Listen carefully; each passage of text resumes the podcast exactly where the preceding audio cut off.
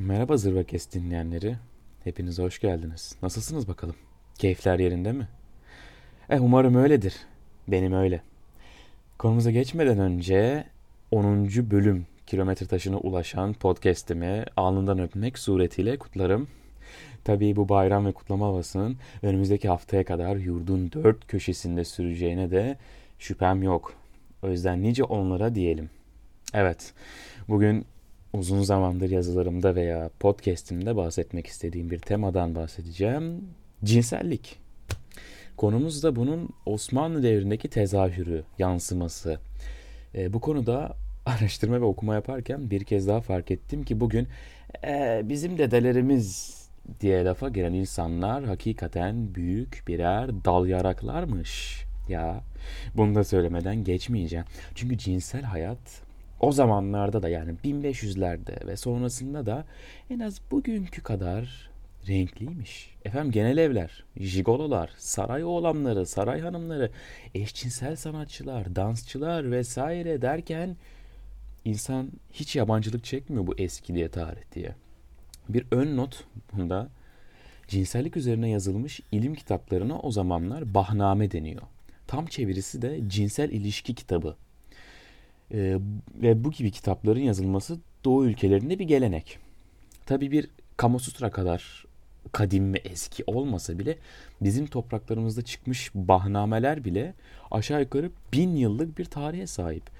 Ve yazarları da öyle hovarda diyeceğiniz tipler değil ha yani tıp alimleri falan bunu yazıyor. Mesela İbn Sina yazmıştır. Ki onun ölüm yılı 1037. Yani düşünün eski. Ki ondan öncesinde olduğu e, söyleniyor astronominin önemli isimlerinden Nasreddin Tusi de yazmıştır ki o da en bilineni de onunkidir neredeyse. Vesaire vesaire yani diyeceğim aslında bu kitaplar çok yaygın ve eski yani gerek kültürümüzde tıp olsun, edebiyat olsun her daim cinsellik bolca ve genişçe yer bulmuştur. Şimdi ilerleyelim. İlk olarak benim en sevdiğim unsurdan girmek istiyorum. Mizah. Gerçi eski dönemlerde yaşanan çoğu olay beni güldürdü desem yalan olmaz. E, çünkü cinsellik üzerine yazılmış en ciddi kitapta bir insanın gülesi geliyor yani. Ona pek anlam veremedim. Ee, şeyden olabilir tabii biraz dil. Dilin bir tuhaf gelmesi bize artık. Eski dil çünkü. Bir yandan da bazı şeylerin yanlış olması, hurafe diyeceğiniz, oha yok artık diyeceğiniz şeylerin ciddi ciddi orada pratiğe dökülmesi falan var. O eski tabii yani yapacak bir şey yok. 800 sene önce adam bazı şeyleri böyle sanıyordu yani. Ne bilimi ne ilacı ne doktoru değil mi? Ama gerçekten güldürü üzerine yazılmış olan eserler de var. Mesela Sıkı Durun Nasrettin Hoca. Evet. İlk dönem eserlerinde cinsellik çok fazla işlenen bir tema. Nasrettin Hoca fıkralarında, öykülerinde.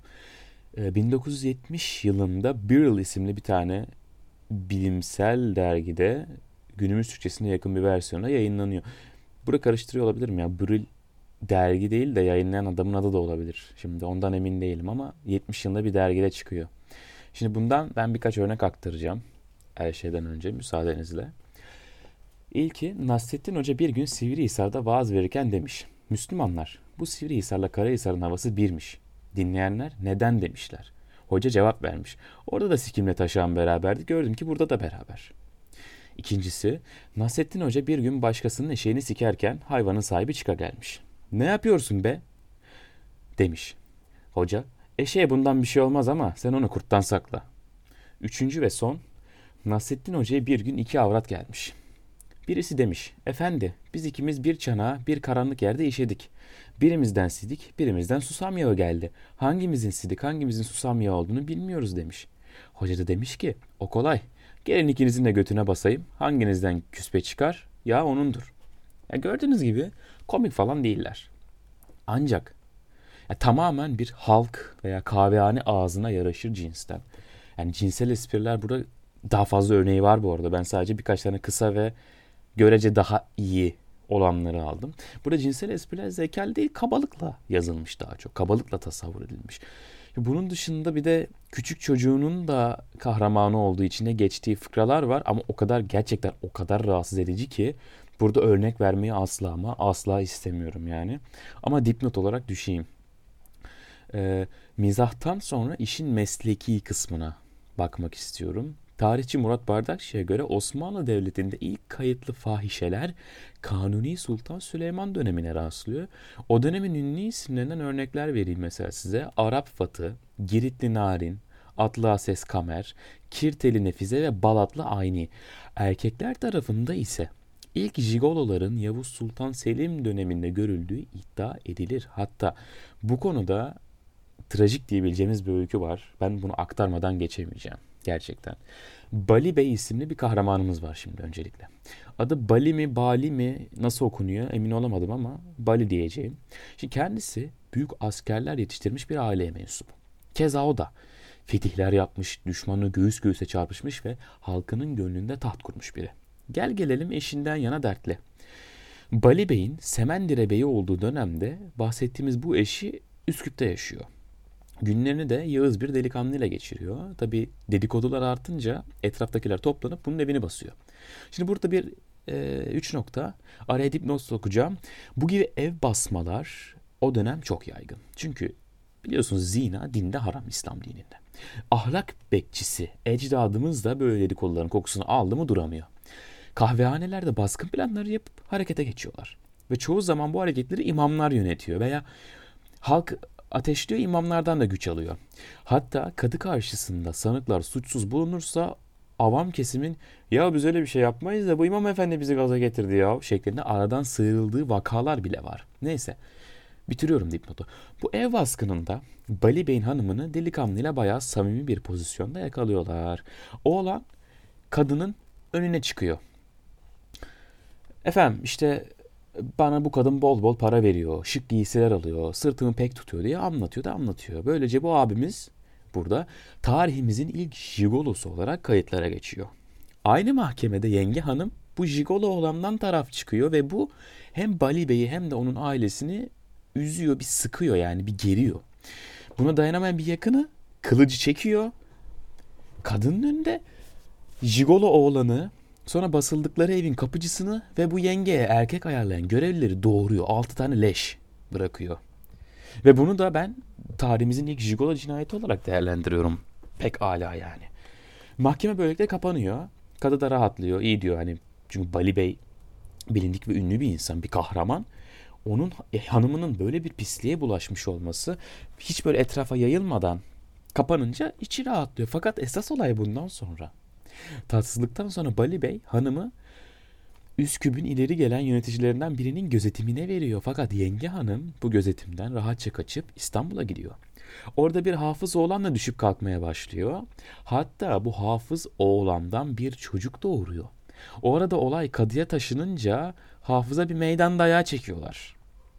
Çocukcağız da kelleyi kaptırmayam aman deyip korkudan Edirne'ye kaçıyor. Orada sıtma olup ölüyor kısa süre sonra. Ee, yenge hanım bu arkadaşın mezarını ziyaret ediyor. Mezarı açıp sevdiği adamı saatlerce izliyor. Hatta umarım gerçek değildir ama bir takım söylentilere göre izlemekten bile öteye gidiyor. Sonra geri dönünce bu sefer aynı hafızın erkek kardeşiyle aşk yaşıyor. Etraftakiler bu olaydan sonra bu ikisini padişah falan şikayet ediyor ama sonra ne olduğuna dair bir e, kayıt yok. Yani Bali Bey de o sıralar yine fetihte, uzakta, sınır dışı bir yerde hani artık o durumları da biliyor ve artık aman yeter mi diyor yoksa hiçbir şekilde kulağına gitmiyor mu? Ne oluyor? Gerisi yok kayıtlarda. Efendim bu gibi ve bunun gibi tırnak içinde zina rezaletleri çok sayıda var. Yani her devirde olduğu gibi. Sıradaki konu başından önce şunu ekleyeceğim. E, esir pazarları yüzyıllar boyu Osmanlı'da fuhuşun en aleni ve en rahat yapıldığı yerler olmuş. Şimdi şöyle bir artısı var. Yapılan iş dine uygun. Nasıl uygun? Şöyle. Pazara alışverişe yani cariye almaya gelmiş gibi yapan abiler esir sahiplerine bir miktar kapora ödüyor ve beğendikleri cariyeyi alıp eve götürüyor. Orada işlerini hallediyorlar. Bir gece, iki gece, üç gece her neyse. Sonra geri getirip ya ustam bu mal kusurlu çıktı ya deyip geri iade ediyorlar. Şimdi olay ne burada? Bir mal satın alınmadan önce denenebileceği için ve cariyeler de şeriat açısından erkeğin tırnak içerisinde yine malı olduğu için ortada dini açıdan bir sıkıntı bulunmuyor. Yani görüyor musunuz fuhuşun ne altında nasıl yapıldığını, kurnazlığı görüyor musunuz? Ya. Şimdi bunlara geçelim. Ve Osmanlı'da daha renkli, daha yaygın ve daha güçlü bir şekilde görülen sıradaki konumuz eşcinsellik. Tabi topyekün bir serbestlik ve görünürlülükten bahsedemiyoruz fakat elimizdeki örnekler bile bize ta o dönemlerde yaygın aktivitelerden bahsediyor. Özellikle şiir ve musikide de yansımalar görmek muhtemel. Ee, edebiyat yazıtları arasında da azımsanmayacak kadar fazla oranda eşcinsellikten bahseden eserler. Tabi üzücü bir taraf 500 sene geçmiş belki bunların üzerinden ve biz bir arpa boyu kadar yol ya aldık ya almadık yani. Yani şu an LGBT bireylere karşı bir hoşgörü çalışması yapılsa, anketler serisi yapılsa inanın yüzümüz kızarır yani. Çünkü belli şehirlerimizin belli semt ve mahalleleri haricinde gerçekten sınıfta kalınacak bir konu. Bu duyarlılık, bu görülürlük. Bunu da belirtmek istiyorum. Yani o dönem belki kimi alanlarda daha bile hoşgörü vardı bu insanlara ilginç bir şekilde. Şimdi o dönemlerde bu eşcinsellik genelde erkeği övme, kadını yerme şeklinde de yapılıyor. Yani Sümbülzade Vehbi var. Diyor ki eli, kan, eli, eli kınalı kadınlardan elini çekmelidir. Zira kadınlar erkeğe kanlı gömlek giydirebilirler diyor. Lami Çelebi seni boyunca altına da gark etse erkeksen kahpeyi evinde tutma. Ona da malına da lanet olsun malı da kendisi de melundur diyor. Düşünsene. yani erkeği överken, erkek erkeğe aşkı, sevgiyi, cinselliği överken kadını iyice yerin dibine sokuyor. Zaten toplumsal açıdan daha e, altta ve geride olduğu belli kadının. Bunlar daha da sokuyorlar. Şimdi tarih derslerinde tanıdığımız bir isim var Fuzuli. O da hamamda saç tıraş yapan bir tella övgüler diziyor bir gazelinde. Onu da ekleyeyim. Sabah usturasına bilemiş, güneş kılıcını taşa çalıp o ay gibi tellakla bağlılığını göstermiş. Başlar onun amber kokulu usturasının hareketinden suyun dalgalanıp kabarcıklar meydana getirmesi gibi neşelenip tertemiz oluyor. Her kılımın ucunda bir baş olsaydı ve sevgilim onları saç gibi doğrasaydı, kamlar döken usturasından yine de kaçmazdım diyor. ve e, hamam dönemin eşcinsel havasının, düsturunun en yoğun yaşandığı yerlerden biri. İsminin üstünde bir gerçeklik taşıdığı ortada yani. Tellaklar sadece kese ve sabun yapmıyor anlayacağınız. Bunu da hamamcılar ketudasından olan Derviş İsmail'in kitabından biliyoruz. 1686 yılında basılan bu kitabın adı Dellakname-i Dilküşa yani Gönül Açan Tellaklar kitabı. Yani ismi bile yeteri kadar çağrışım yapıyor bence değil mi? İçerisinde o dönem İstanbul'da tellaklık yapan 11 tane abinin kimler olduğu ve işlerini nasıl yaptıkları anlatılıyor. Ya, kitaptaki örnekler uzun ve tek tek inceleme gibi bir niyetim yok. Fakat her birine akıl almaz metiyeler dizilmiş, becerileri övülmüş ve başlarından geçen kimi olaylar nakledilmiş. Hatta kendi rızası tarafından, pardon kendi rızasının dışında birkaç kabadayı tarafından kıstırılıp kanlar içinde kalana kadar tecavüze uğrayan bir e, Tella'nın öyküsü de var. Bir oğlanın daha doğrusu öyküsü var. Böyle e, kötü diyebileceğimiz şiddet, tecavüz, taciz gibi, kaçırma gibi, zorla sahip olma gibi olaylar var bu arada. Hem eşcinsellik içerisinde hem genel cinsellik içerisinde Osmanlı'da bu tarz e, acı öyküler de var tabi. Şimdi edebiyat dünyasının en bilindik eşcinsel kişilerinden olan Enderun'u Fazıl Bey'e anlatayım son olarak. Kendisi kadınlardan haz etmediğini, erkeklere ise bayıldığını her fırsatta cesur bir dille dile getirmiş ve eserlerine bunu sürekli işlemiş. Hatta bir beytinde şairiz, fahişeler divanımıza giremez. Böyle bir şey bize utanç verir bile demiş yani. Hani demiştim ya erkek sevdasını kadını aşağı çekerek gösterenler. O da o akımdan veya o zihniyetten bir insan. Maceralarla bezenmiş bir hayatı var bu arada yani. Ve zaten adından da anlayacağınız gibi Enderun yani saray okulunda okumuş bir zat kendisi. Bir gün Galata meyhanelerinde dolanırken bir çingene gencine aşık oluyor. 7 ay kadar da ilişki yaşıyorlar ama daha sonra bu ilişki bozuluyor, yerine yenileri geliyor vesaire vesaire. Çok uzun yıllar sonra bu genci tekrar görüyor. Fakat o kadar kilo almış, çirkinleşmiş, yapısını ve o kıvraklarını kaybetmiş ki kahroluyor onu gördüğü zaman.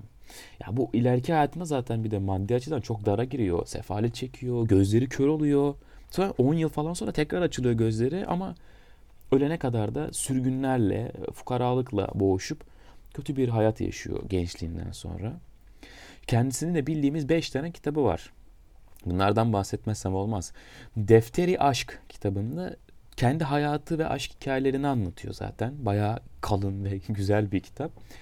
E, Hubbanname'de farklı uluslara mensup delikanlıların özelliklerini anlatıyor. Mesela işte atıyorum Türk erkeği şöyledir, işte Farslı böyledir, Acem böyledir, Çerkez böyledir, Boşnak böyledir diye birkaç paragrafla böyle hep tonla milletin, tonla etniğin erkeklerini, huylarını, görüntülerini, işte seks konusundaki yatkınlıklarını ya da alışkanlıklarını anlatıyor. Zennaname ya da Zenanname olmasa karıştırıyorum isimlerini. Onda da aynılarını kadınlar için yapıyor. Aynı milletlerin kadınlarına. Ki bunu şöyle bir ilginç bir şey. Bunu o çingene sevdalısı istiyor bundan. Bana diyor şimdi bu yazdığın diyor Hıbannamenin diyor bir de kadın versiyonunu yazacaksın diyor. Aman diyor yapma sevdiceğim, güzelim, yarim, aşkım, cicim. Ben diyor nefret ederim kadınlardan bana bunu yaptırma lütfen bu bana bir acı verir. Hayır diyor yazacaksın diyor sevgilisi ve yazıyor. Ve yazıyor. Ee, rivayet midir artık bilgi midir bilmiyorum ama bunu yazarken çok da böyle kadınlarla içi dışlı olmadı aslında biraz da işkembe kübradan salladığı da söylenir mesela. Çünkü sevmiyor kadınları. Gidip o kadınları inceleyecek kadar e, kıramıyor kafayı muhtemelen. E, Çenginamesi var. Üçüncü eseri. Pardon dört oluyor. Bu dördüncü eseri. Orada da dönemin İstanbul'un tabii ünlü dansçı oğlanlarını yazıyor mesela. Onların marifetlerinden falan bahsediyor. Ve divanı var tabii. Her şairin olduğu gibi, divan şairin olduğu gibi. Orada da genelde gazeller var ve gazelleri de yakışıklı delikanlılar, abilere ithaf edilmiş tabii. Yani detayına girersek çıkamayacağımız kadar yoğun ve şehvet dolu bu adamın hayatı gerçekten tarihimizde gerek toplumsal tarih gerek edebiyat tarihimizde olsun ayrı bir köşe ayrı bir mihenk taşı sevgili Enderunlu Fazıl Bey onu anmış olalım. Ve tüm bunların da dışında eşcinsel temalar musikiyle de çokça yansıyor. Şimdi oraya hiç girmek istemiyorum. Yine aynı şiirlerde olduğu gibi büyük isimler, büyük insanlar var. Musikimizde de çokça görüldüğünü söyleyelim. Şimdi toparlarsak ve başta söylediğime gelirsek o gün toplumu ile bugün toplumu arasında bence hiçbir fark yok. Yani cinsan, cinsellik dediğim gibi insanlığın kendisi kadar eski. Yani çok sevgili ecdadımız da elinden geldiğince hayatının bu yönünü renklendirmeye çalışmış. Yani başta bahsettiklerimiz gibi cinsel güç arttıran küllerin yazıldığı kitaplar, pozisyonlar anlatan kitaplar, güç kuvvet veren dualar falan derken muazzam bir külliyat yani bu cinsellik konusu. Ve bir tabu gibi de bakılmıyor yani gayet yaygın. Yani cinsellikle ilgili sorular, hikayeler, öyküler vesaire bunlar tabu değil Osmanlı toplumunda. Öyle sanılmasın yani. Öyle sanıyor insanlar ve ben bunu çok gıcık oluyorum. Umarım bir tabuya parmak sokabilip ya da bir çomak sokup karıştırabilmişimdir yani. Burada 15-20 dakika konuştum. Ve ben bu çalışmada bu podcast'ı hazırlarken saygıdeğer Murat Bardakçı'nın Osmanlı'da seks kitabından çokça faydalandım. Hatta bu işte gazelleri, Nasrettin Hoca fıkralarını falan birebir ondan aldım. Onu da söyleyeyim. Ee, daha fazla örnek, daha fazla detay, konu başlığı görmek isteyenler kesinlikle okusun bu kitabı. En azından yani çok fazla e, günümüze ulaşmış metin yok. Buradan bu kitaptan yola çıkıp araştırmalarınıza devam edebilirsiniz bence. Öneriyorum tekrardan. Ve bugünlük bu kadar. Bu podcast'ten bu kadar. Sonraki bölümde görüşünceye kadar sağlıcakla kalın efendim. Hoşçakalın.